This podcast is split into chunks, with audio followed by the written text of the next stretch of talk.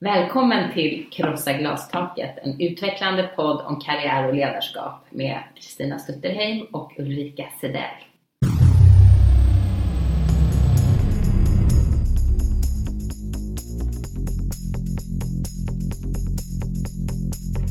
Och kvinnor ska då vara något annat, gärna supportfunktioner.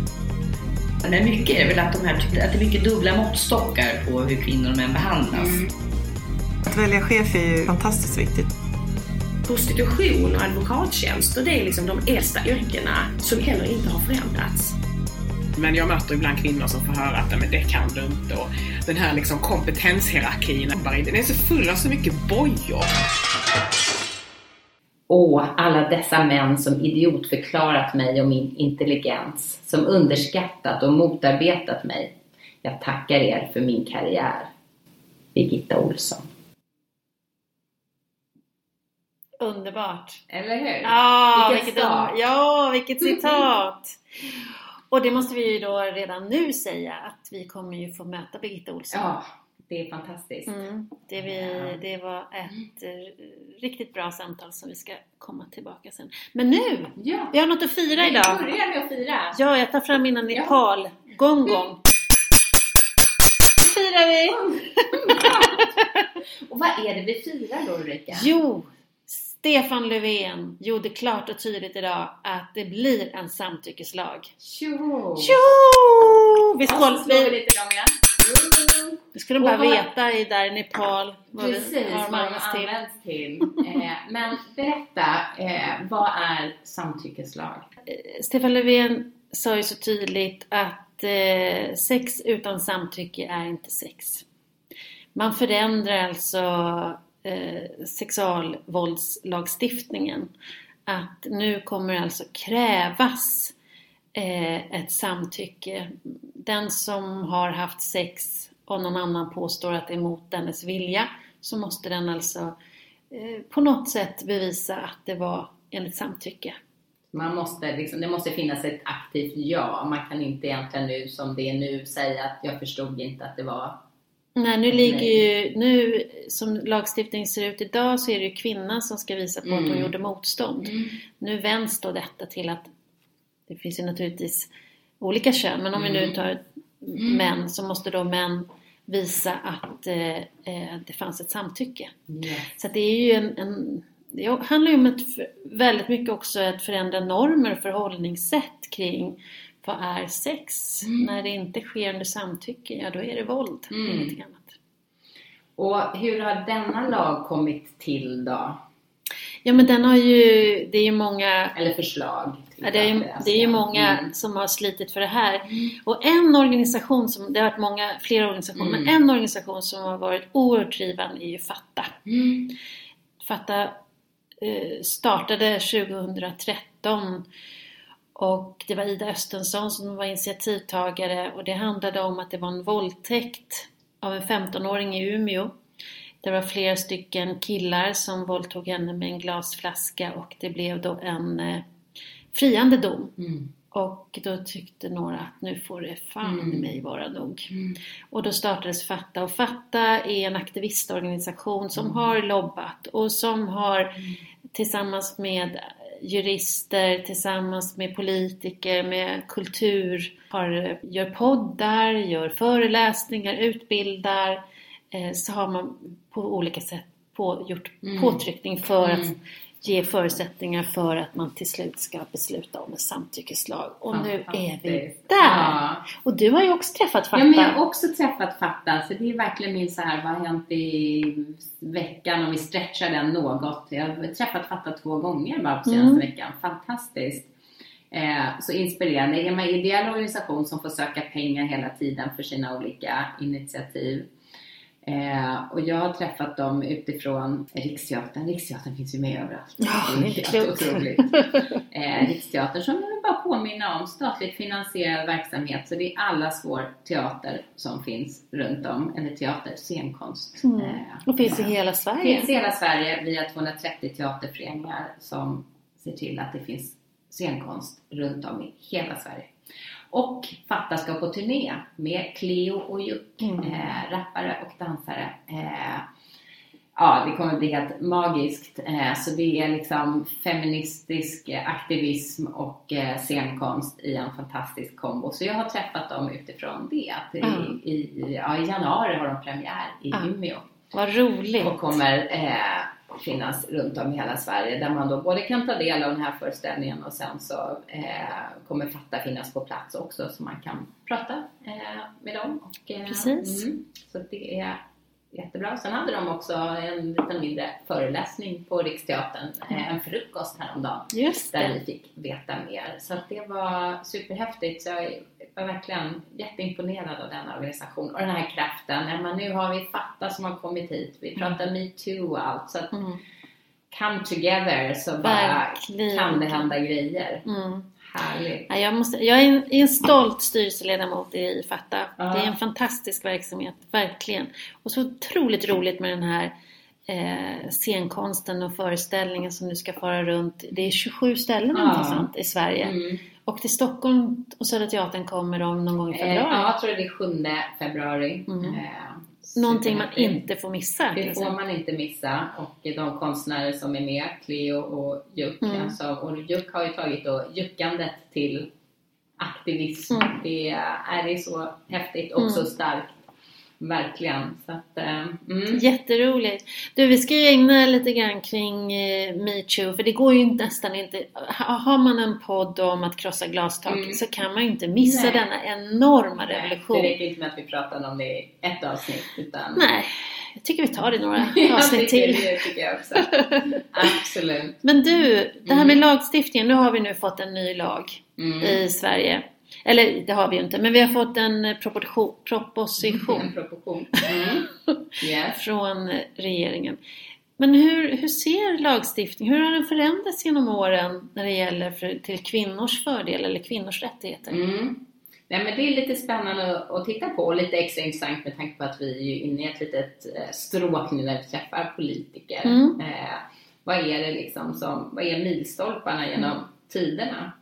Eh, vi kan ju börja då på 1250-talet. Ja. Ja, där faktiskt då Birger Jarl, den första liksom lagen när det gällde våld mot kvinnor, eh, att det blev förbjudet med våldtäkt och eh, eh, abduction, ja, alltså att kidnappa, ta kvinnor. Det var kvinnofridslagen tror jag, eller något sånt där kanske det hette.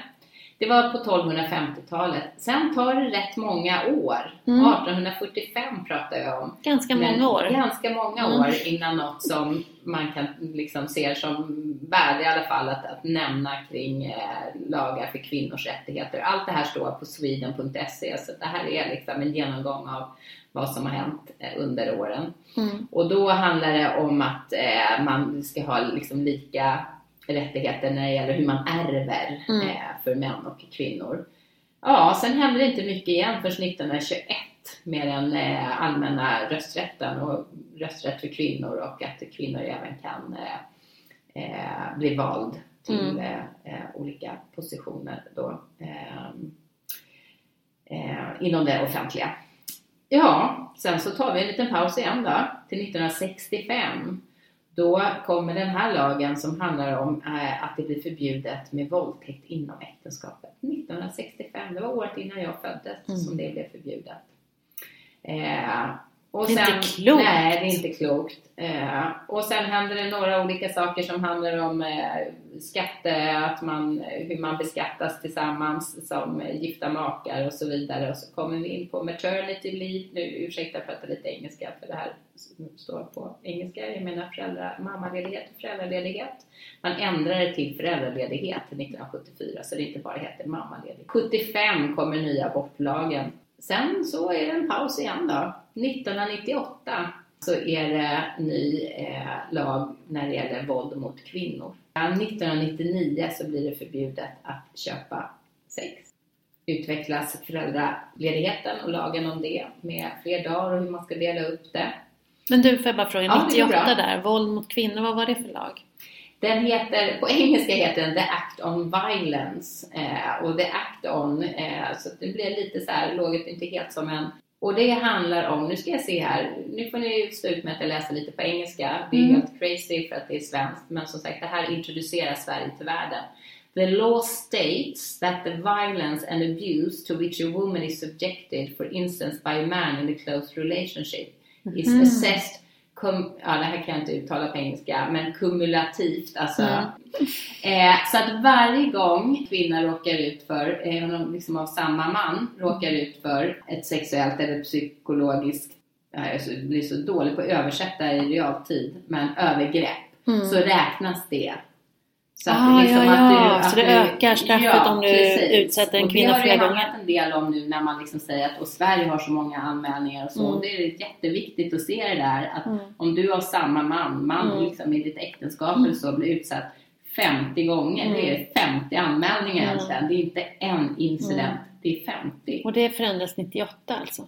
Det förändras 98. Jag tycker dock att det är något man har pratat mer om på senare år. Men, och sen eh, 2011, någonting som ju liksom har blivit mer på senare tiden också, det är det här med stalking. Att upprepa harassment eh, blir också en, eh, en lag då, att det är förbjudet. Och det här handlar ju också om att, att eh, ännu mer liksom kunna anmäla och förebygga, liksom, blir det, prevent, alltså Mm, förebygga. Eh, förebygga. Mm. Bra, du kan översätta bättre än jag just nu. Mäns våld mot kvinnor. 2016 så kom det ytterligare kring föräldraledigheten då. Men där är vi. Men nu kanske 2018 samtyckeslagen. Nej, nej, inte kanske. Det, det, så kommer det bli. Så kommer det bli. Yes. Just det. Och det är vi oerhört glada kanske. för faktiskt. Ja. Men det är ändå intressant att det är ju liksom, vi pratar under en väldigt lång tidsperiod eh, och med alla problem vi ser så ja, det har Mm. varit stora glapp. Det har varit stora det är glapp. mycket som har kommit på senare tid. Det gäller ju en massa andra, andra områden också där man inte förstår att det är på så sen samtid som det har blivit förändringar i lagar och så. Absolut. Mm. Du, jag tänker på metoo. Hur, hur startade det egentligen? Man kan säga så här, att om vi verkligen liksom ska göra en korrekt historiebeskrivning så startade det 2006 Mm. med en kvinna som heter Tarana Burke Mm. eh, i USA, svart kvinna. Mm. Eh, som tror jag hade kommit att tänka på det redan eller liksom insåg att hon behövde göra någonting redan före 2006 när hon träffade en ung tjej som berättade om vad hon hade blivit utsatt för. Mm. Eh, och hon, Tarana Burke, kände liksom, vad gör jag av det här? Och hon Mm. sa, jag var så chockad också så jag inte ens kunde uttrycka metoo, vad jag själv har varit med om. Mm. Så 2006 så drog hon igång en eh, liksom non-profit organisation som ska hjälpa kvinnor som har blivit utsatta för eh, sexuellt våld, sexuellt övergrepp kallade det för metoo. Och det var innan hashtaggarnas tid. Mm. Mm. Eh, och så. Och när det här sen drog igång nu i höstas Mm. med den amerikanska skådespelaren som, som nämnde det här på Twitter, tänk om vi alla skriver metoo, så visste inte hon det men har sen givit credit till Tarana Burke som också säger att det viktiga är att det här, att det här finns och Mm, att, det är mm. liksom, eh, att de här uppropen finns och så. Men det tycker jag är ändå viktigt. Och säger någonting också Mm. att hur stort blev det då 2006? Mm. Nah, sådär. Mm. Eh, självklart har sociala medier jättemycket med, med att göra Mm. idag då, men där startade det ändå. Mm. Det vill vi eh, uppmärksamma denna Tarana Burke. Verkligen. Och har det inte funnits en viss kritik? Jag tänker på just att hon var en svart kvinna. Har det inte funnits en viss kritik mot metoo? Just att det är väldigt vitt. Det stämmer bra eh, och det liksom kan man se mer och mer om man läser på, i lite olika sammanhang. Jag vet att jag hörde någonting eh, redan till exempel kring tystnad tagning och när Mm. det var på Södran eh, att det fanns svarta kvinnor eller kvinnor med annan eh, bakgrund, etnicitet som inte ville vara med där på scen för att man kände det här lite kompakta, vita Mm. och inte kunde kanske identifiera sig Mm. eh, med det. Jag läste i lite andra sammanhang, jag läste på Facebook eh, också inlägg kring det att eh, när ska man liksom ta ett, ett större, när ska alla kvinnor känna sig inkluderade Mm. i det här? Och jag tror att alla menar att alla kvinnor kan vara med i de här olika. Såklart. Men om Känner sig man- inte manad. Nej, precis. Och att det här med sexism och rasism hänger så tätt ihop och det blir lätt att det liksom, hur ska man säga, att det bara blir sexismen. Mm. Eh, men man måste titta på helheten för Mm. väldigt många kvinnor blir ju, ja man är i en struktur av båda, blir Mm. utsatta av båda delarna. Så därför skulle jag vilja säga att det fanns en en tidig metoo för flera år sedan också eh, när Fanna Endau eh, Norrby startade Mi, eh, Svart kvinna. Mm. Ett Instagramkonto med svarta kvinnors berättelser om vad de dagligen råkar ut för i Sverige Mm. som svart och som kvinna. Mm. Hon fick 10 000 följare på en dag. Mm. Visar hur starkt det här var och fortfarande är. Men jag tänker att något man ju pratar om i många olika frågor just nu när vi liksom blir så här, vi kan bli så svart eller vit, så enkelspårig, enkelspåriga, att vi följer en fråga eller liksom, Mm. vi kan inte alltid hålla så många olika spår i luften. Det blir ett antingen eller. Kan man hoppas att metoo får mycket effekt, vi känner att det händer något så kanske kan liksom kvinnokollektivet Mm. ta sig an alla kvinnor på ett annat Mm. sätt. För att det finns ju liksom, ja, det är alla kvinnor det handlar om. Mm. Eh, och det är ju superviktigt. Förstår du hur jag menar? Att det kan... Eh, Absolut, Mm. och, alltså det är ju häftigt just med metoo att det är inte någon partifärg, det är ingen Nej. partitillhörighet, det är väldigt gränslöst. Och så man hoppas ju att det ska bli ännu mer inkluderande i stort. Att det kan ge röst för Mm. alla som inte känner Mm. att man har en plattform eller Mm. en röst. Eller det drunknar i... Att det är oavsett ålder eller social status Ja. eller bransch eller också etnicitet. verkligen. Ja, det, nej, det hän- hänger väldigt väl ihop. Jag tänker på, det hänger ju, vi pratar ju om glastak, vi pratar ju om karriär här, men det hänger ju också väldigt tajt ihop med det. det är, jag tänker på Ann Ramberg nu som Mm. uttalar sig om juristerna och med vilken Ordförande rätt. i Advokatsamfundet. Mm, Mm. för hon kan ju inte se något samband. Nej, Vad är det hon säger nu igen?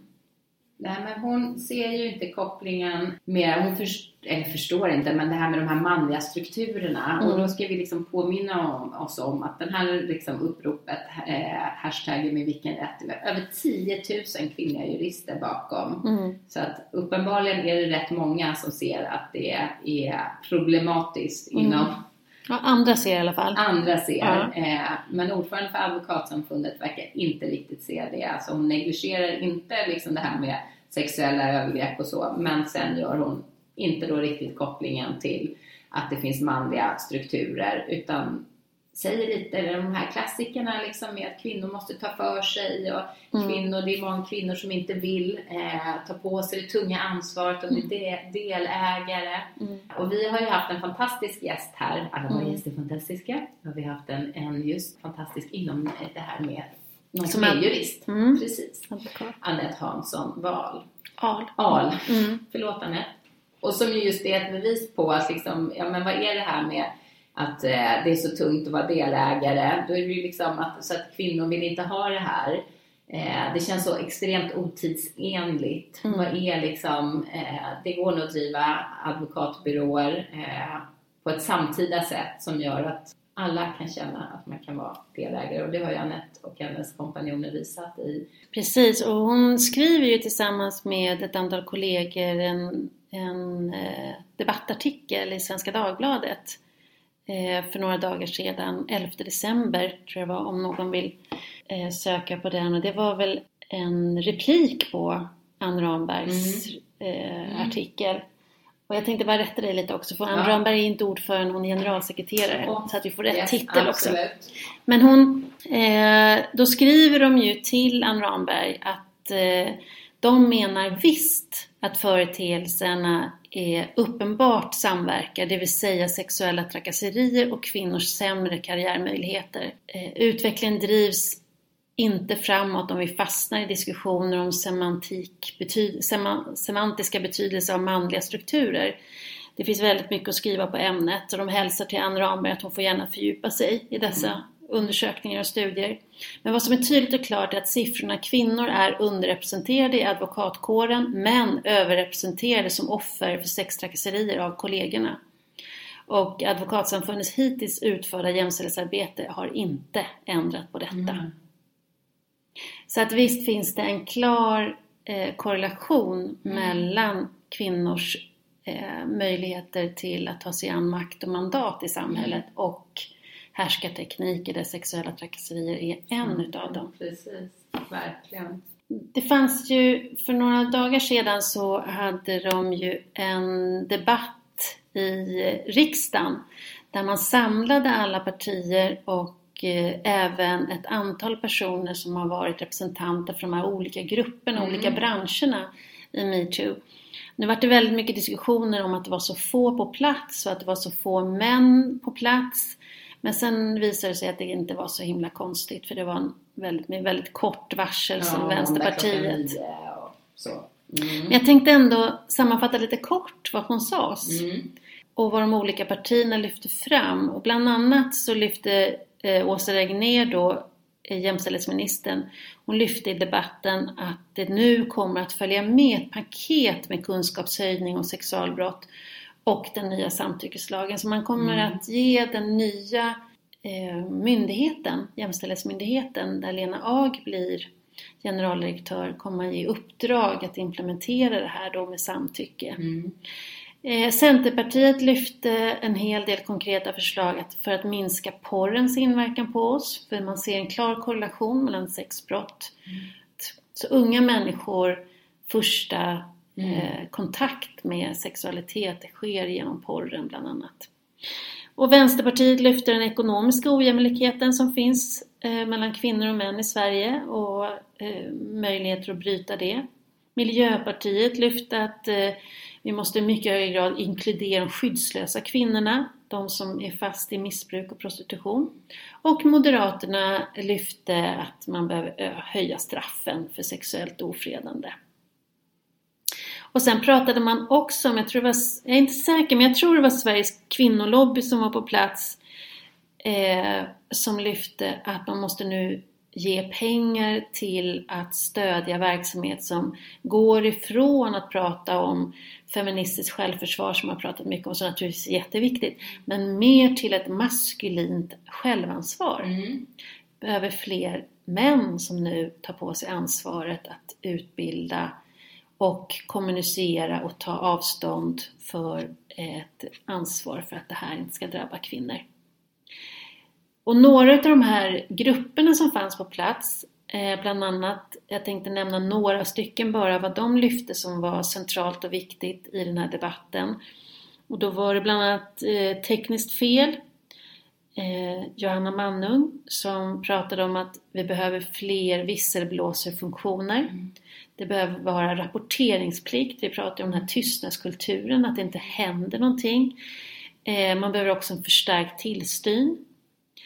Eh, akademi, akademiuppropet, det vill säga de som arbetar inom akademin.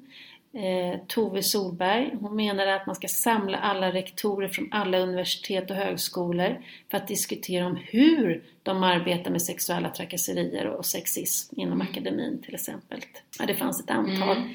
Men det, man lyfter ju verkligen nu frågan Mm. på högsta nivå och man pratar om, kan jag uppleva som att det är så här det är. Det är inte ifrågasatt på samma sätt som man ändå som jag har upplevt det tidigare, hur sker det här verkligen och hur Mm. mycket då? Det, det sker inget ifrågasättande utan nu ska vi verkligen tillsammans göra någonting åt det och det känns ju fantastiskt. Verkligen. Och det där med ifrågasättande, vi kommer komma tillbaka till det kanske i nästa podd. Mm. Om någon som var tidigt ute med det här men som verkligen blev ifrågasatt. Mm, det får vara en liten cliffhanger. Det absolut. återkommer vi till. Och det här med visselblåsning är ju verkligen något, precis som Manung tog upp, men som man hör från många olika Mm. håll. Det ska vara enkelt och man ska kunna Mm. anonymt anmäla saker man ser Mm. och hör eller själv har varit med om. Men, eh, att göra det enkelt. Mm. Eh, jätte... Och kanske också få stöta och blöta för att det vittnar ju många om att det inte först nu som de förstod vad de var utsatta Nej, för. precis. Man också ska få prata om vad är egentligen jag är med om Mm. och vad är det som händer. Mm. Mm. Ha, Ja, nu ska vi... få träffa en ledare Ja, som har gått emot strömmen, Mm. minst sagt. Eh, och som ska inspirera oss. Mm. Och hon pratar bland annat om vikten av den lilla manliga armén som Ja. hjälpte henne, i alla fall Mm. initialt. Sen Precis. blev det andra typer av män som... ja. Men det blir spännande att höra. Mm. Vad menar hon med det? Ja. Och vad allt annat berättar hon och pratar hon med oss om. Så enjoy Birgitta Olsson.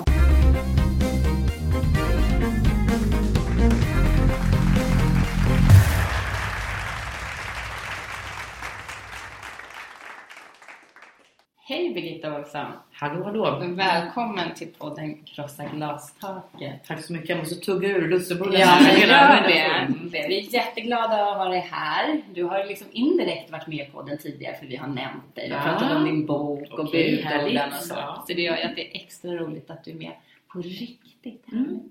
Vi tänkte börja med att höra, vad är det mest lustfyllda beslut du har tagit den senaste veckan eller så? Oj. Jag tycker faktiskt att, ehm, nu är jag ju inne precis, ehm, imorgon kommer jag ju bli formellt alltså, avtackad ur Liberalernas liksom, partiledning och partistyrelse och eh, på något sätt börja, eh, börja nedräkningen för min eh, avsluten på 25 år i svensk politik. Och jag måste säga så här att även om jag kan känna att det är lite nostalgiskt och lite sorgligt på sätt och vis eh, att aldrig få se hur ens eget ledarskap skulle kunna påverkat ett parti och en organisation och vad det hade kunnat lett till i väljarflöden och uppmärksamhet och så påverkan. Kan jag också känna att det faktiskt också är rätt så skönt. Det är också någon form av ett lustfyllt Mm. beslut. Och det tror jag också, jag brukar säga det att problemet är inte att kvinnor siktar för högt utan att vi siktar under vår förmåga väldigt ofta. Mm. Och det var också ganska lustfyllt faktiskt att, att ta en risk eh, som kanske inte var men helt kalkylerad, supertaktisk, strategisk men, men ändå att göra det för någonting man står för. Mm. Så det är på något sätt ett lustfyllt beslut också. Mm. Mm. Du var 21 år när du blev ordförande för Liberala studenterna i Stockholm och sen var du 24 när du blev ordförande för Liberala ungdomsförbundet. Eh, och du blev invald i riksdagen när du var 27 år, 2002. Stämmer korrekt? Eh, och du blev sedan 2010 eh, minister. Och du var EU och du var demokratiminister och du har också hunnit vara integrationsminister. Nej, Inte? konsumentminister. Konsumentminister var det. Mm. Och 2003 läste jag att grundade du det liberalfeministiska nätverket Filira. Mm. Och i år så kom du ut med boken eh, Duktiga flickors revansch dessutom. Ja, du har gjort en fantastisk karriär i Liberalerna och eh, du kandiderade i år eh, som ordförande och förlorade och Ja. väljer nu att lämna, som sagt, politiken. Och det är ju det här vi ska prata om. Vi ska prata om karriär, vi ska prata om eh, glastak och vi ska prata om ledarskap. Och lite grann kring metoo-debatten. Mm. Du var ju som sagt då väldigt ung när du valde politiken. Hur kom det sig att det blev just politiken? Jag tror inte heller att det har varit så um, alltså, jättegenomtänkt beslut om jag ska säga så. Jag, jag kommer ju från en familj där mina föräldrar eh, men alltid har röstat liberalt mm, och um, kommer kanske från det mer liksom, frisinnade vänsterliberala stråket av partiet. Mina föräldrar har alltid varit kyrkligt aktiva. Det har varit väldigt mycket frågor som rör bistånd, flyktingar, jämställdhet. Så att jag är uppvuxen i den, i den myllan. Men eh, jag var själv inte så engagerad utan det var egentligen jag eh, hade gått ut gymnasiet i Linköping och skulle flytta till Stockholm. Och eh, behövde lite fritidsintresse om jag ska vara riktigt krass. Eh, jag bestod Liberala ungdomsförbundet faktiskt på tunnelbanestationen där på Frescati och delade ut eh, såna här ja, mm, pamfletter för ungdomsförbundet. Och det var regnigt, kom över en regnig dag, augustidag där och då, mm, då signade jag upp där, då skrev jag, skrev jag in mig. Så det var en bra värvning där. Mm. Mark Tingvall hette Verkligen. killen som Mm. gjorde den, här, gjorde den här värvningen. Han gjorde något bra där. Han gjorde något riktigt bra. Ehm, nej, och sen var det också kanske en sak som hade frånhållit mig lite för att kanske gå in i politiken tidigare. Dels var det att hästar upptog mycket av mitt liv och mitt intresse och skolan var väldigt viktig för en duktig flicka. Men eh, sen så var det också att det var väldigt många unga killar som var engagerade i, i Liberalernas ungdomsförbund i Östergötland. Så jag kände lite också att det var, nej, men där förebild spelar roll. Få som var i min ålder som var i gymnasiet utan de var lite äldre de andra. Men eh, då slumpade det så att de här killarna som hade varit engagerade där i lokalt i Linköping, de flyttade ju till Stockholm sen. Så att när jag skulle bli engagerad där så var det samma killar som Mm. var engagerade. Men jag brukar säga att jag tackar dem väldigt mycket för min politiska karriär. Och framförallt ett gäng killar som doktorerade på Handelshögskolan i nationalekonomi. Eh, som verkligen skapade en liten puppa kring mig, en slags lite växthus, kuvös. eh, Där man fick tycka fritt och formas väldigt mycket i sitt eget ledarskap uppbackad av det här gänget. Så att, eh, eh, jag hade en liten mansarmé kan jag säga som, Mm. som verkligen nominerade mig till uppdrag och sa att nu tycker vi att du är redo för det här. Så jag brukar säga att jag hade nog inte suttit vid det här bordet idag och gjort allt det fantastiska jag har gjort om jag inte hade haft de här, de här killarna som jag har kontakt med flera fortfarande. Mm. Det tycker jag också är viktigt att visa att, att, eh, att i politiken också så, så är det väldigt klokt, och i näringslivet också, att liera sig med de här goda, kloka männen. För de finns eh, och de är viktiga allierade. Jag tänkte precis säga det. Det är det många säger att de saknar, den där mansarmén. Att, eh, jag sa att den många gånger kan jag säga längre, Mm. längre fram Ja, i livet. men då- men, men då hade jag, det, var, det formade mig väldigt mycket tror jag. Att, att våga bli en person som ehm, gick från den här väldigt blyga, tysta, ehm, snälla flickan. Jag är fortfarande väldigt snäll vill jag faktiskt framhäva. Men, men, men att våga bli mera tydlig och våga ta strid mera. Mm. Så det var väldigt viktigt. Så de här, de här första åren i ens liv, oavsett om det är i barndomen eller när man går in i- på ett nytt jobb. Det är viktigt att få de här pupporna lite grann. Mm. Där man faktiskt är omgiven av snälla människor som vill en väl och inte ser som hot. När man ser på din karriär eller hör bara axplocket som Ulrika precis drog och vi som också har följt dig genom åren så får man ju verkligen en bild av en eh, eh, oerhört ambitiös och duktig kvinna med stor drivkraft. Och vilka är de här drivkrafterna som, som du har och som Mm. säkert kommer bära dig framåt nu även utanför politiken? Ja. Nej men det är rätt roligt för nu har jag börjat komma i en annan fas i mitt liv så jag träffar en hel del rekryterare. Ja. och bara kvinnor faktiskt hittills. Ja. Det är lite det är ovanligt för den branschen. Och, eh, och en del av dem känner jag ju och en del kanske jag känner väl till mig och mer som personer. Och det är ofta något som många säger om de ska, ska sammanfatta när vi diskuterar om min framtid. Att, att, att vi måste hitta ett sätt hur vi kan kanalisera drivkraften. Mm. Nej men jag, jag kommer aldrig, alltså oavsett vilken bransch jag hamnar i, jag kommer aldrig vara den här alltså 8 till 5 personen. Alltså jag tror att om jag börjar på ett, på ett företag nu eller om det är en organisation eller vad det handlar om. Jag, jag har aldrig varit den där, men ni vet lite distanserade personen som, som lämnar. Jag, jag får nästan så här kan ju låta väldigt Martin Luthers men jag får nästan lite ångest ibland när man hör människor som berättar om att ja, men jag stänger av jobbtelefonen klockan halv fem en fredag och sen sätter jag på den på nio på måndag. Jag känner jag skulle knappt kunna jobba med dig. Nej, men jag kan känna så att jag skäms över det lite grann för att, för att um, i, så många sammanhang där jag har varit, om det är tidningsbranschen eller om det är politiken, så förväntas man ju ha en väldigt stark tillgänglighet. Mm. Och så. så det är nog någonting att jag måste... Så drivkraften kommer mycket från att, att hittar jag rätt idén, hittar jag rätt värdering, hittar jag rätt produkt, em, rätt sammanhang som jag tycker stämmer mycket över vad, hur jag vill förändra. Mm. Eh, Då, då går jag mycket all in Mm. på saker. Och det är lite, du nämnde tidigare också när jag startade upp det här feministnätverket där eh, 2003, Felira, feminist, liberal och radikal. Eh, det där växte ju jättesnabbt. Alltså, vi var ju efter, tror jag efter bara några år var det tusen personer som var med i det nätverket. Och då var mycket att då hade jag lämnat, jag hade varit ordförande för Liberalernas ungdomsförbund som hade varit min baby under tre och ett halvt år. Så behövde jag skapa någonting nytt. Så egentligen kanske jag är mer en entreprenörstyp. Mm. Som gillar att, jag kanske skulle starta ett startup. Mm. Nej, men, nej, men jag gillar att se saker och ting och växa. Mm. Och, så här, och jag är också rätt, så här, jag ibland tävlingsinriktad också. Eh, nej, men jag vill att det ska gå bra för mina bebisar, att de ska Mm. lyckas. Så, både när det gäller personer jag har skolat upp eller när det är Mm. saker jag har skapat själv. Mm. Så att det, är nog, det är nog en drivkraft som, som grundar sig väldigt mycket i värderingar. Och det, det är väl därför också som jag har äh, ofta varit, ähm, varit obekväm i politiken. Att jag, äh, jag har tagit en del strider och jag kanske varit ganska ensam. Och då frågar en del ibland varför gör du det här? Och Mm. Då sa jag till en partikamrat en gång som verkligen var väldigt arg och besviken på mig för att jag tog en strid i en fråga. Och då sa jag ja, det är, för att, det är för att jag vill ha ett parti att kunna rösta på den dag jag slutar med politiken. Mm. Det, det, det, jag vill kunna se mig själv i ögonen att jag stått upp för de här frågorna. Men också att, eh, att jag vill kunna ha någonting. Förstår ni? Mm. Att, Mm. att, att idéerna går Mm. vidare. Och det där har ju det här med att du kan vara obekväm och du har till och med gått emot ditt parti i några frågor. Och, och det här är ju det här är ju någonting som, jag vet redan eh, 2002 var handlade det om språktester som var en stor debatt kring. Och sen var det FRA 2008. Så nu har det varit det här med tillfälliga uppehållstillstånd. Och nu har jag också varit ute och fört debatter om religiösa friskolor som du hade an, en annan uppfattning om än din partiordförande. Och sen när det var september 2016 då fick vi alla följa öppen maktkamp inför öppen ridå och du fick lämna riksdagsgruppen men du behöll ju alla dina andra viktiga uppdrag. Det uppdrag jag fick lämna, det vill säga sitta med i riksdagsgruppen för förtroenderåd, det hade jag redan försökt lämna sedan mars. Jag la faktiskt upp det mejlet. Jag kände det när alla vill göra till en stor grej att nu fick hon lämna det uppdraget och jag kände halleluja. Jag liksom, eh, Äntligen. äntligen fick jag lämna den församlingen. Så, att det, det var något jag hade önskat faktiskt.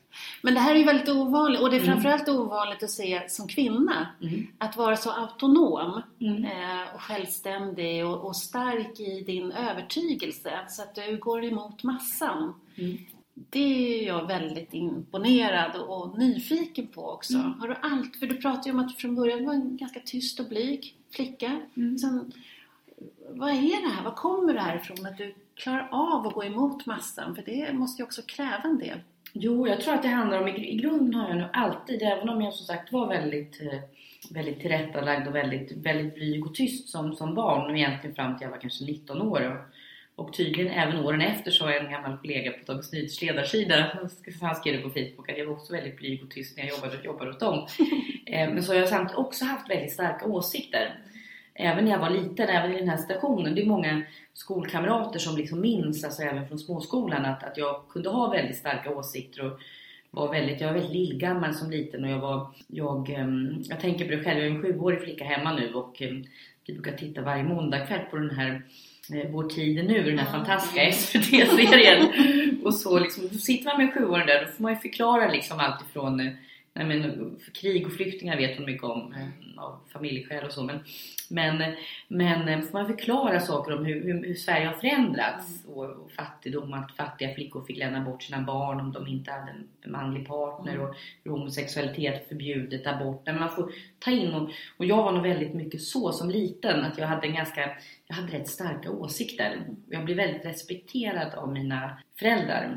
Det där tror jag också att göra med att eh, att jag är en, nej men ensambarn. Jag tror att vi blir, det är Jan Björklund också för övrigt. Eh, nej men det är många i politiken som är ensambarn. Nej, men jag tror också att man, man behöver inte alltid bli bortskämd på, på materiella saker men däremot mycket på kärlek och, och respekt och uppmuntran. Och utrymme kanske. Exakt, utrymme att känna sig lyssnad på, att vara respekterad. Och jag tänkte ju länge att jag själv bara skulle få en dotter, nu får jag två döttrar.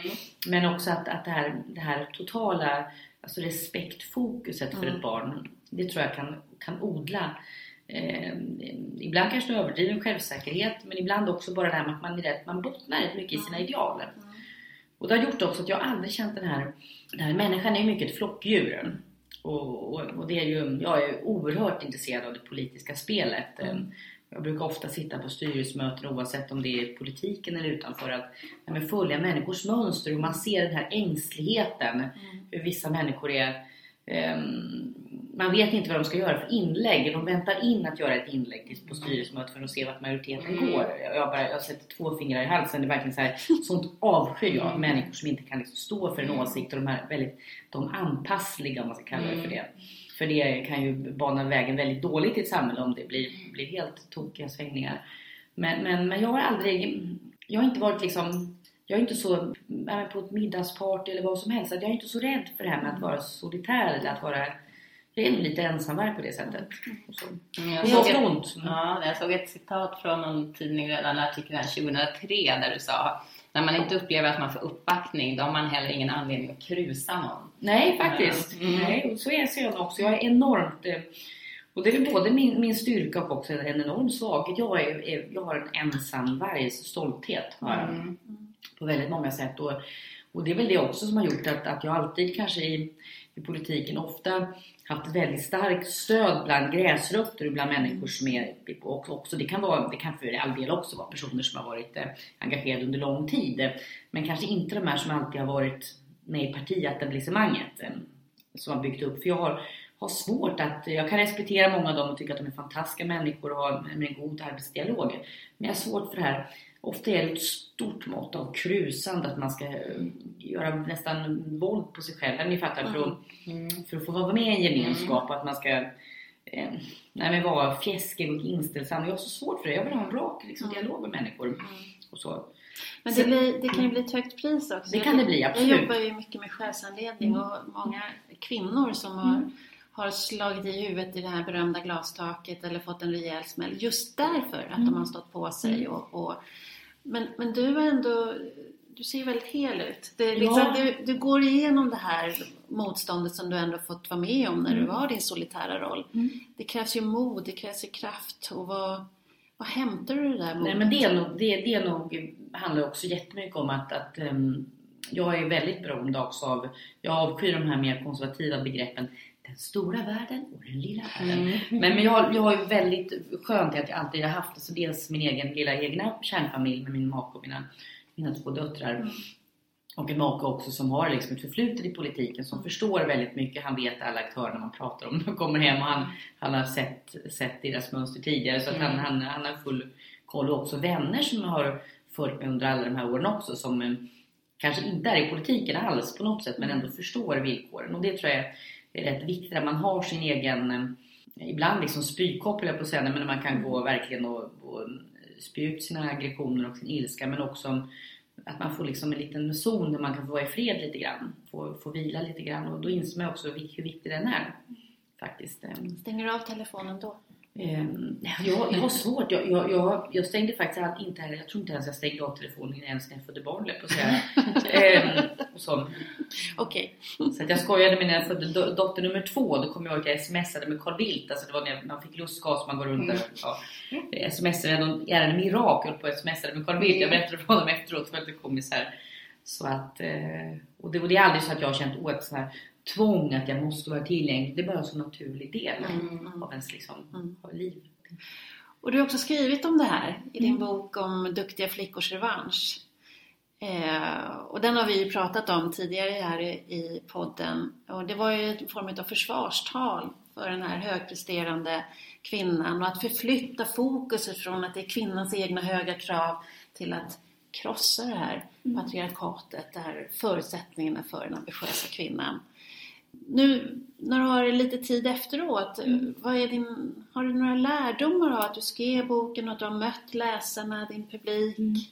Åh, det är en väldigt bra fråga. Boken satte igång oerhört många liksom, processer kring mig. Alltså jag, det här ämnet har jag tänkt på alltså, ända sedan jag var barn. Alltså, jag har gått och irriterat mig väldigt mycket på, på nej, men dels antipluggkulturen i skolan och eh, nej, men det här hyckleriet. I Sverige så är det en, nej, men en slags naturbegåvningsfixering som vi alla vet är enormt falsk. Nej, men det är, mm, visst, Zlatan har en enorm talang för fotboll, men, allt, men det är ju hans liksom, kombination av talang med det hårda arbetet Mm, mentalt, mm. fysiskt, på alla plan liksom, som har tagit honom dit han är. Mm. Och det tycker jag är väldigt bra. Man kan hitta ibland metaforer från idrotten, populärkultur. Mm. Alla förstår det på ett annat sätt. Och det skulle jag vilja att vi omsätter lite mer till näringslivet och till politiken. Att det är den kopplingen. Eller att det borde vara det i alla fall. Eh, Så att det fick väl mig lite grann att, att eh, och det var det som, mm, som gjorde också att jag valde att utmana Jan Björklund som partiledare. Att jag insåg att dels har partiet gått bakåt i tio års tid. Eh, Man sitter inte kvar som börs på ett företag om, om det har varit röda siffror så länge. Det, det, det, Så är det ju. det är klart som korvspad. Men politiken funkar liksom inte riktigt på det sättet. Och det var väl det som jag som kanske också gjorde mig väldigt, väldigt frustrerad. Och jag kände att, att nu gör jag det här. Och jag var väldigt tydlig med mig själv också att, att, eh, att jag vill, vill sluta om jag inte kan få ändra partiet på det sättet som jag tror är nödvändigt. Och vi får väl se hur det går i valet nu. Det, det, det, det är beyond my control om man säger så. Eh, Men, men jag kände att det var viktigt att liksom visa det.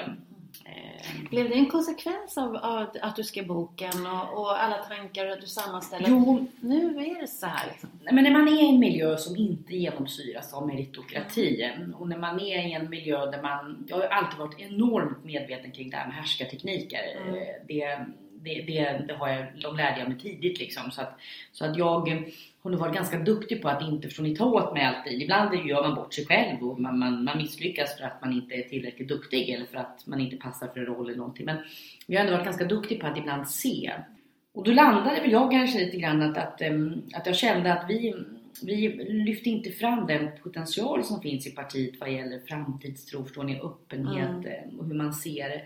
Vi hade inte förmågan att rekrytera alla som är liberala själar där Mm. ute. Vi hade inte den och då behövde man en förändring. Mm. Och då kände jag också att, att, att jag tror att för mig var det i alla fall så att jag var, var den pusselbiten just då, den enda som vågade, kunde, orkade utmana även om fler ville få förändring.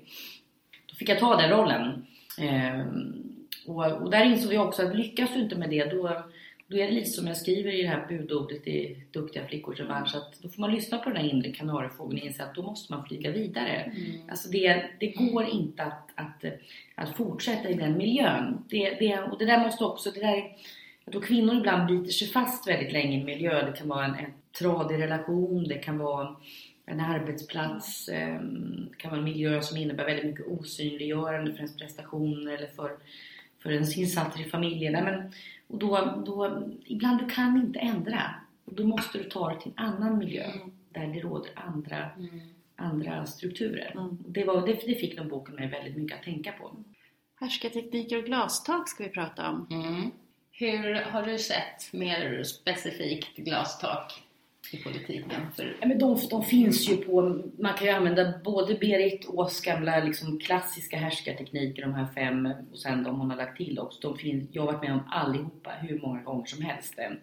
Och vissa kan ju vara så väldigt uppenbara som eh, nej, det här med dubbelbestraffning. Damn if you do, damn if you don't. Och det där fick jag erfara tydligt då när jag skulle bli utnämnd till minister med hela den här bisarra graviditetsdebatten. Att, att jag skulle tacka nej till att bli minister för att jag var gravid samtidigt och man kände det här är ju som en repeat, eh, som en sk- LP-skiva som gått på repeat. Nej, men Beatrice Ask hade samma debatt i början av 90-talet. Nej, men det, det, det kändes väldigt sorgligt att, eh, att mina manliga ministerkollegor som fick barn samma vår aldrig fick den frågan. Hur de skulle klara familjelivet och vara ministrar men jag skulle tacka nej till uppdraget. För att, och då blev det ju en enorm debatt. Det var en så här tydlig härskarteknik att det är olika måttstockar för kvinnor och män. Jag var i, jag var i Minsk eh, i Belarus, Vitryssland igår och pratade om det här också. Det här med de här, det är något som verkligen kvinnor kan identifiera sig i oavsett om man lever i en, i en öststatsdiktatur eller i ett jämställt Sverige, att det är olika måttstockar.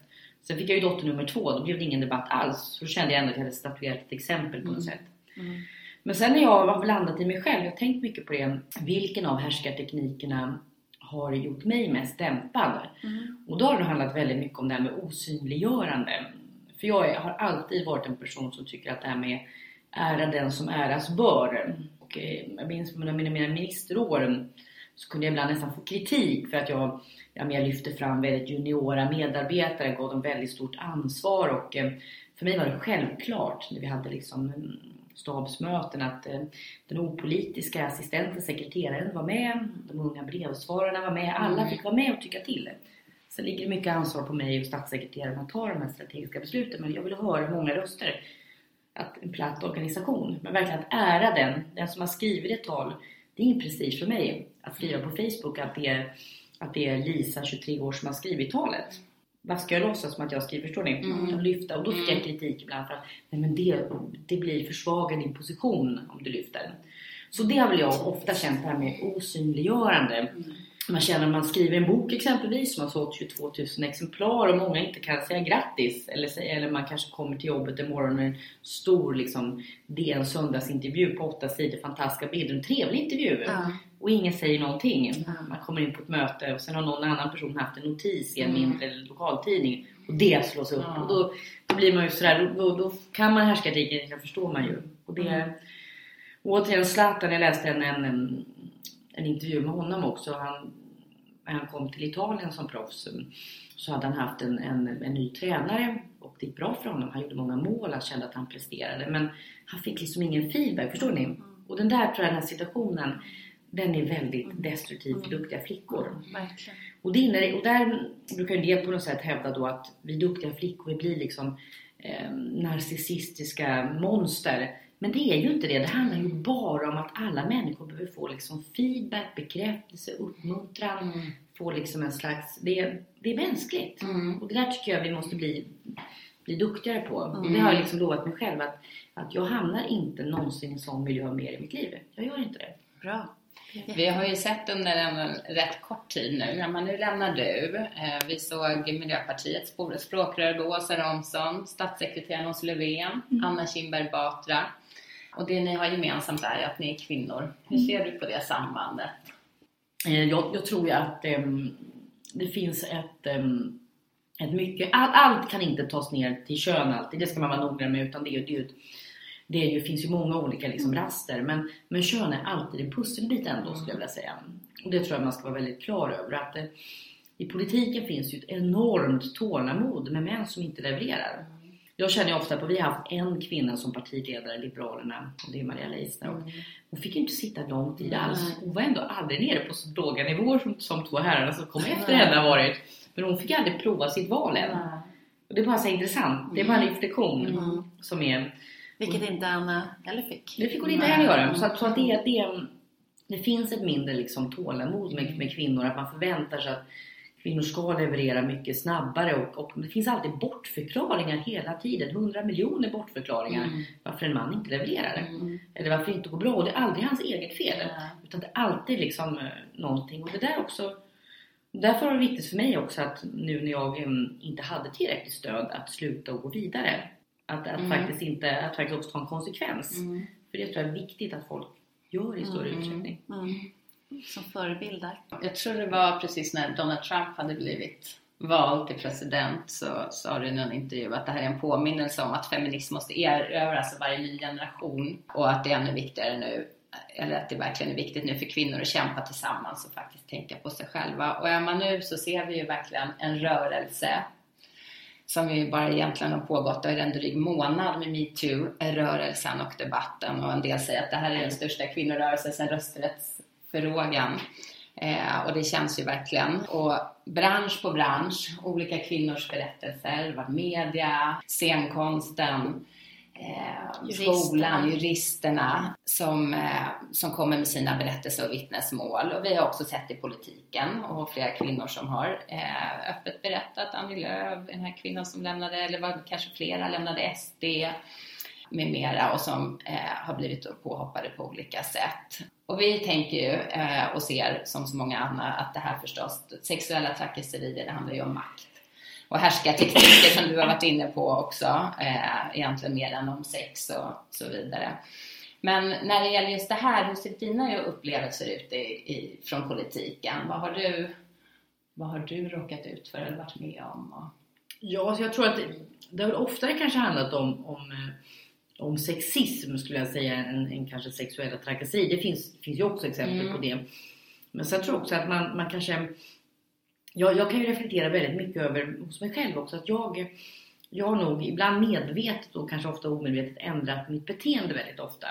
Eh, Så att jag liksom inte utsätter mig själv, förstår ni? Att jag är inte i sådana liksom miljöer väldigt ofta. Och det där, ehm, nej men när man var ung, ehm, jag kunde ju få porrbilder ibland i mitt fack liksom när jag var ung i ungdomsförbundstiden. Eh, Det var ju såklart markeringar på olika sätt. eh, Och det har varit nej men, exempel genom åren. Och, och jag har nog varit mycket en sån här person som, ja, dels kan man ju bara känna att man alltid liksom när man ska hem från möte, man har med sig ett par gympaskor i väskan och man byter om så att man ska kunna snabbt ta sig hem. Man vill inte gå på och höga klackar. Man kanske också i olika sociala sammanhang, man, man är inte den här personen som, eh, som på sena kongressmiddagar eh, håller på men dans, förstår du? Man, man, man på något sätt man undviker miljöer där det kan vara kladd och där det kan vara för att man på något sätt inte vill vara i det sammanhanget. Och där kan jag känna, så jag är nog ganska mycket som person att jag eh, har på något sätt eh, alltså undvikit vissa sammanhang och vissa miljöer och det kan ju vara på gott och ont. Men, men, men mycket är väl att de här tycker jag mera kanske att det handlar om eh, att det, att det är mycket dubbla måttstockar på hur kvinnor och män behandlas. Det är nog kanske mer än det. Sen, sen tror jag ju också att det, det finns ju det har ju kommit upp mycket exempel i riksdagshuset också men vi, vi, jag tror vi lever ju också olika liv. Jag har alltid varit van liksom från, från Stockholm och jag hänger inte på kvällarna där utan jag går hem efter möten eller går ut på tal på stan eller vad man nu gör. När man inte är, förstår ni, i den miljön. Jag tror de är mer sårbara som är mycket i, är mycket i den miljön. Men visst, och jag tror att jag, jag, jag tror att den här metoo-kampanjen absolut kan sägas vara liksom em, bli någonting så enormt liksom påverkbart så att vi kanske liksom inte förstår dimensionerna. Och, eh, dagen innan jag valde att, eh, att mm, lämna denna partiledarkamp em, så skrev jag en debattartikel i Expressen med bland annat Nina Rung som är kriminolog och, och flera andra om att just sexualbrottsfrågorna borde vara den viktigaste frågan. Det här var innan metoo-kampanjen och allting. Så jag, jag har ju liksom lyft upp de här frågorna genom åren. Det kan känna det kan vara sorgligt att veta att man inte det skulle ha blivit en av mina största frågor själv om jag hade Mm. fått leda partiet. Att, Mm. att, driva dem liksom bredare, Mm. bredare perspektiv. Mm. Och det hoppas jag väl också nu att det inte ska bli alltså bara ett fokus på liksom de enskilda männen eller de Mm. enskilda kvinnorna utan att inse liksom att det här, är, det här måste man jobba med så, med så otroligt många liksom lager. Mm. Allt ifrån att börja med förskolan tidigt till att våga diskutera kulturkrockar som kan uppstå. Mm. Så, så är det, men det, det, det finns också en sån Mm. faktor. Mm. Men att se liksom så många olika liksom pusselbitar som måste göras för att man ska kunna Mm. komma bukt. Det är, det är flera poliser, ja. Det är mera resurser till rättsväsendet för att utreda brotten, ja. Men det är också att jobba med attityder tidigt för Mm. den som föds i vårt land eller den som kommer in senare. Att vara snabbt ta ett grepp om det. Mm. Och många diskuterar ju om skillnaden mellan att det är en skillnad att få en hand på sin rumpa än att bli utsatt för våldtäkt. Och att man nu blandar ihop det här i en enda sörja. Och jag tycker att egentligen spelar inte det någon roll för det är strukturerna vi ska titta på. Det är inte den enskilda händelsen. Och att det här är faktiskt någonting som drabbar så oerhört Jo. många kvinnor. Men jag tycker också det blev bisarrt. Jag läste någon debattartikel veckan där någon sa att, att eh, vad är det här för svaga kvinnor som Mm. inte kan ja, in- inte kan liksom ge de här killarna en smocka. Liksom, vad är det här för min, nu, min tonårsdotter skulle ge dem en rak höger. Men då lägger man ju direkt liksom bördan, ansvaret på den som liksom Mm. blir utsatt. Kan man liksom inte lägga skulden där den hemma hos Mm. den som ja, Mm. går Mm. över gränsen. Liksom. Mm. Tror du att det krävs förändrad, alltså blir det en metoo-politik? Krävs det några nya lagstiftningar eller? Ja, så jag, tror, jag tror man kan definitivt skärpa åt vad gäller sextrakasserier. Det tror jag att regeringen ser, Mm. ser över också. Man man kan göra det. Men, men det är ju väldigt mycket liksom attityder. Och för vissa av oss, jag tycker en del av de här exemplen som har varit uppe blev helt nya för mig. För jag rör mig inte i den typen av branscher. Jag har inte så många ingångar i kulturbranschen eller i TV-branschen. Det var, var nytt för mig. Man hör rykten ibland, men ni fattar. Mm. Men sen andra branscher, som advokatbranschen, liksom juristbranschen. Men man, man har ju så många alltså, kvinnliga väninnor som har berättat om de här sakerna så länge. Liksom, Mm. att det är, och jag tror att branscher med, med få kvinnor vid makten är ju extra utsatta. Mm. Och kombinationen med otrygga anställningsförhållanden. Mm. Det är en dålig kombination.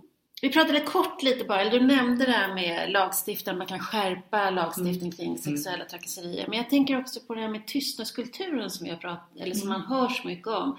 Att det här var möjligt, att det hände, det som hände på TV4, Dramaten och så vidare. Att, att man har ett problem med att folk ser, folk hör. Dessutom If, vi har även näringslivet börjar ju göra sig hörda nu. Eh, att man har sett saker, alla vet det, men ingen säger något, varken chefer eller andra. Tror du att rent politiskt kan man göra, finns det någonting mer att göra här? Eller är det verkligen bara attityder och normer som man behöver jobba med?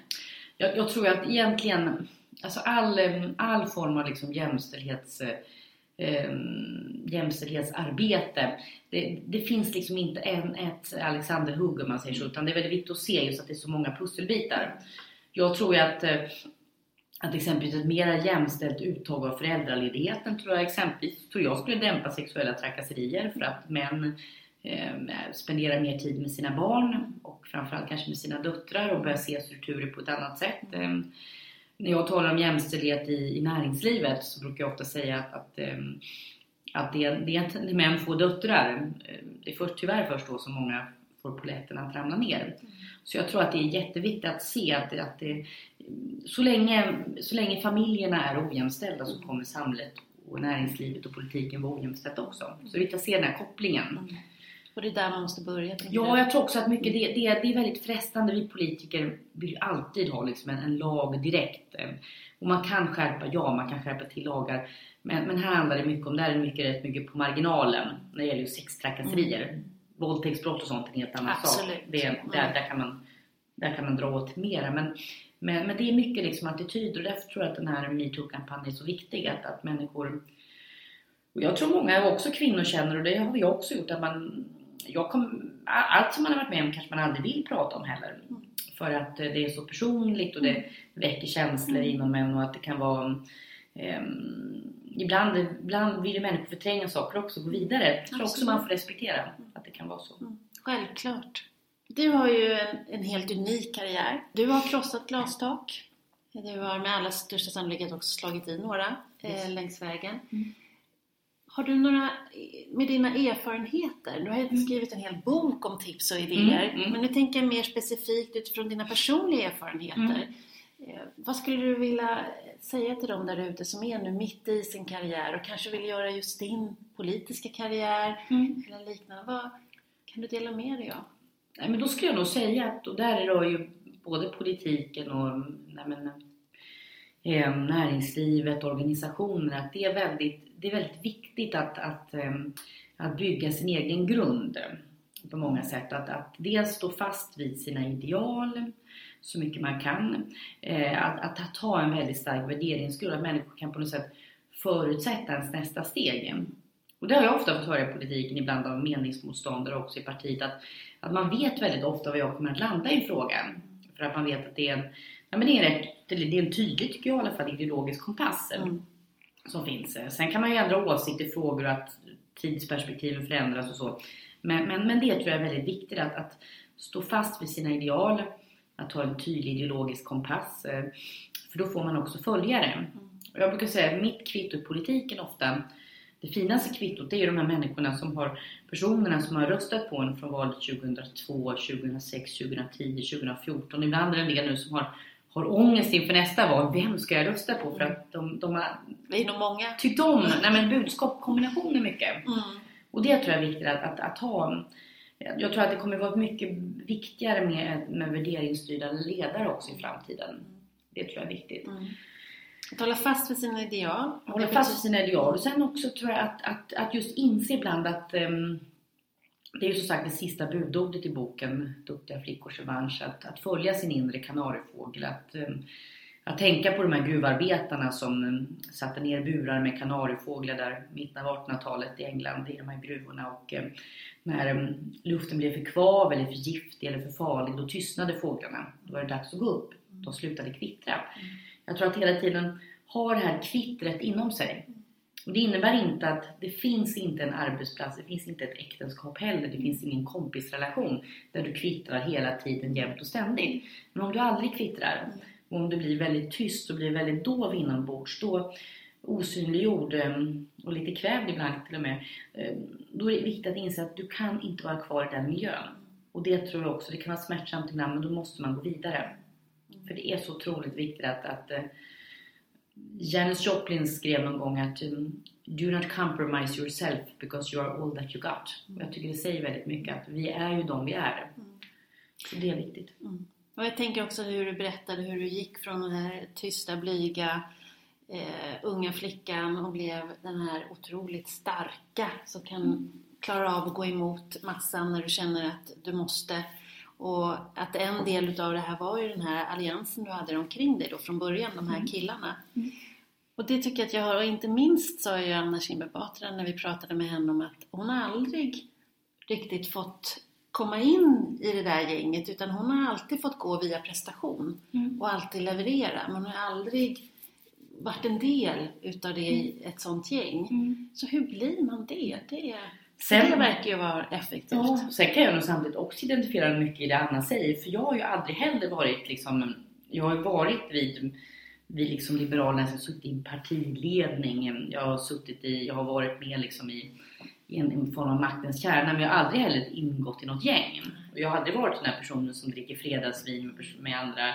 Jag har aldrig liksom tillhört det generationskamratsällskapet. Jag har aldrig varit så eh, kanske mån om att tillhöra det heller. Och det där tror jag också är något som är en väldigt osund situation i politiken och i delar av näringslivet. Att, eh, att, eh, att det väldigt ofta blir en slags liksom, eh, ibland svågerpolitik eller lite nepotism. Att människor hamnar i en form av liksom inre kärna vilket gör att eh, man ofta då om man har de här familjebanden också eller om man har vänskapsband gör att man kanske inte vågar ifrågasätta på samma sätt. För att det är så mycket mer som står på spel.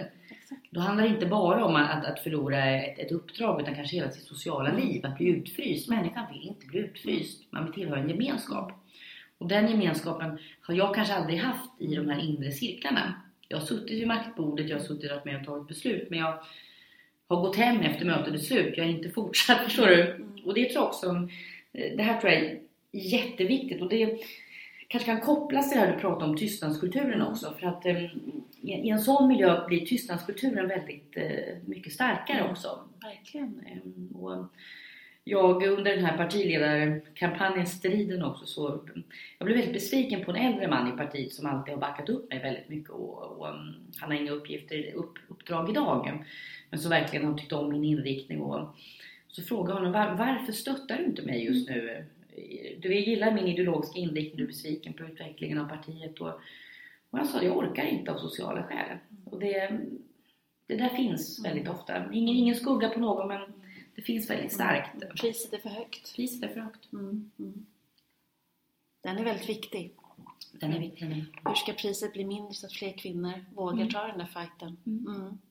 Avslutningsvis, Birgitta, tror du att dina och mina barn kommer att få uppleva en kvinna som blir statsminister i Sverige? Jag hoppas att du och jag kommer att få uppleva en kvinna som statsminister. Och jag kände faktiskt lite sorg i hjärtat när, när Anna Kinberg Batra sa det väldigt vackert på sin avslutningspresskonferens. eh, Att hon hoppades att hennes dotter skulle få uppleva det. Då kände jag, då blev jag jättesorgsen för att eh, vi måste ju på något sätt hoppas att det kommer tidigare än så. Mm. Ja, fast ändå, det, det är ju bara 15% av alla VD i Sverige som är kvinnor. Det är bara tar väldigt 20%. lång tid. Nej, och Sverige har ju varit duktiga på en feminism på bredden men Ja. sällan på toppen. Det är någonting, det är någonting eh, kompakt med våran jantelagskultur lite överallt. Tack Birgitta för att du kom till Krossa glastaket och med dina erfarenheter och tips tror jag att vi kan få många kvinnor och män också att dra lärdomar där ute. Tack så mycket. Tack så mycket för att jag fick vara med. Vad härligt. Verkligen. Tillbaka på Södermalm i Ja. köket. Alltså det är, jag tycker att det är sån sorg i hjärtat att en sån person som Birgitta Olsson, oavsett politisk hemvist, att hon inte längre ska finnas med i politiken. Nej men jag håller med. Jag följer henne på alla plattformar och den bredden på frågor och engagemanget och det genuina engagemanget och liksom jobbet för en, en bättre värld för kvinnor och en massa andra frågor, mänskliga rättigheter. Ja, hon kommer ju hitta andra plattformar förstås. Men att... Vi kommer att sakna dig Birgitta. Ja, verkligen. Mm, och hoppas att hon inte tystnar i Nej. debatten. Kanske kommer tillbaka. Kanske kommer tillbaka tids nog, Mm. Yes. vad vet vi? Men många intressanta och kloka saker förstås, eh, som Birgitta sa. Och eh, hon pratade ju om det här med kanariefågeln, som jag Mm. vet att, eh, att vi båda tog till oss. Vad var det där med kanariefågeln? När man kliver in i en organisation och man tystas eller man känner att man inte får vara den man är Mm. eller får använda sin kompetens så likställer hon det med att kanariefågeln tystnar. Mm. Och jag tycker den är så fin, Mm. det här med att gå dit där du kan vara den du är Mm. eh, och i din kompetens.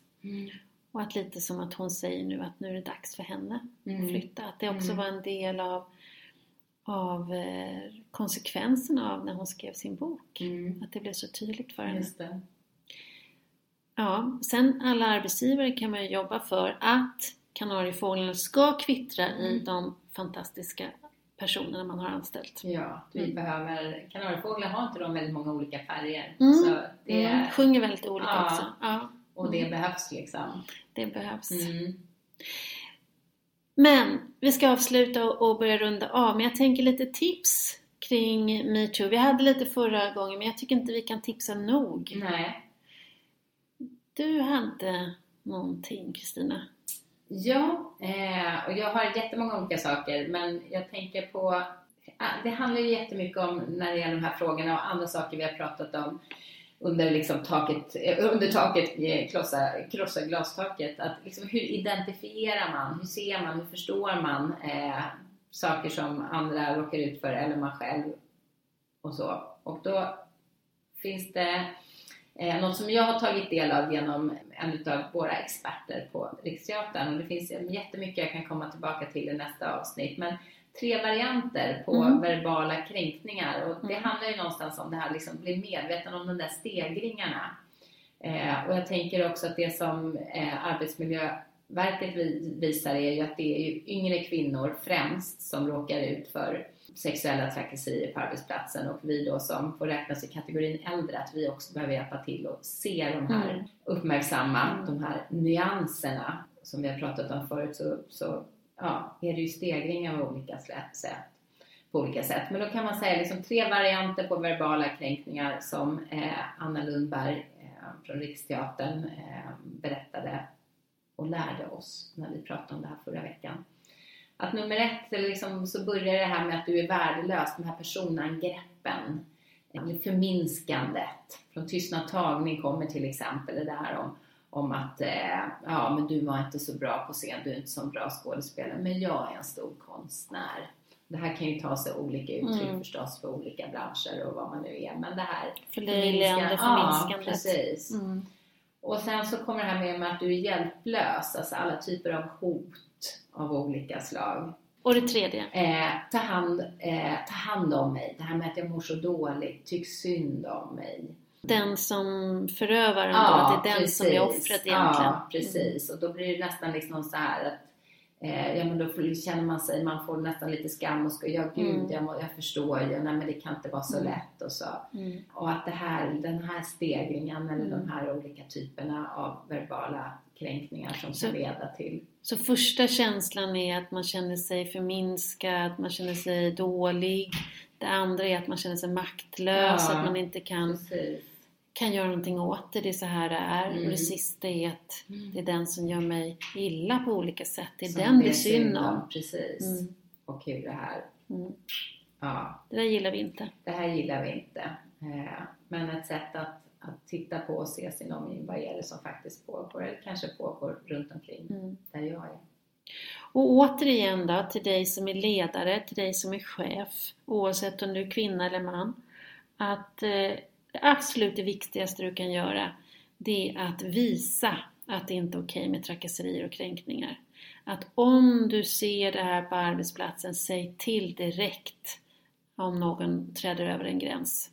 Men också signalera att man ska säga till om det händer. För det är ju att, på, i alla fall man, är- det är i alla fall försök till att få bort den där läskiga känslan maktlöshet. Mm. Det finns någonstans att gå, det finns någonstans att prata. Du är inte maktlös, du är inte ensam. Eh, Men om du nu känner som chef att oj, oj, oj, vi kanske inte har uppmärksammat det här som vi borde nu när kampanjen rullar igång. Eh, Det är inte för sent på något sätt. Ta upp det här på möten, Mm. prata om det. Visa att du är engagerad, visa att du tycker att det här är viktigt. Låt personalen sitta i grupper och reflektera om det är något som behöver bli bättre. Eh, någonting som behöver förbättras i organisationen. Och sen eh, se till att organisationens värderingar alltid gäller. Att det man har sagt är det som gäller, retorik och praktik. Och ha, ha lite extra koll på när det blir stress i organisationen.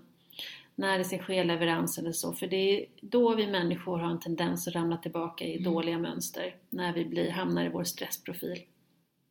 Och sen vid varje medarbetarsamtal, stäm av med den anställda. Hur uppfattar man arbetsklimatet? Se till att de vet om vart de ska vända sig. Om det inte känns naturligt att prata med sin chef, visa att det finns andra alternativ. Det kan vara företagshälsovården, det kan vara skyddsombud, det kan finnas en, det som vi pratade om i början, att det finns en en eh, visselblåsarfunktion som man ska vända sig till där man kan vara. Mm, eller HR ja. Mm. Mm. Men att visa på att det finns Mm. fler ställen. Så att det är tydligt vad vägen och alternativen är. Mm. Mm. Mm. Mm. Mm. Ja, jag tycker vi avslutar. Jag vill höra dina tibetanska klockor igen och jag tycker vi slår dem för den kommande samtyckeslagen, för metoo, för svart kvinna, för Tarana Burke, för alla de här uppropen. Det Eh, gör så vi. klinga på nu Ulrika. Ja, men en sak Ja. till ska vi klinga för. Och det är att nästa poddavsnitt Mm. så ska vi prata med den som leder hela det här jämställdhetsarbetet i Det Sverige. ska vi. Vår jämställdhetsminister Åsa Regnér. Så kling på den. Hejdå! Hejdå!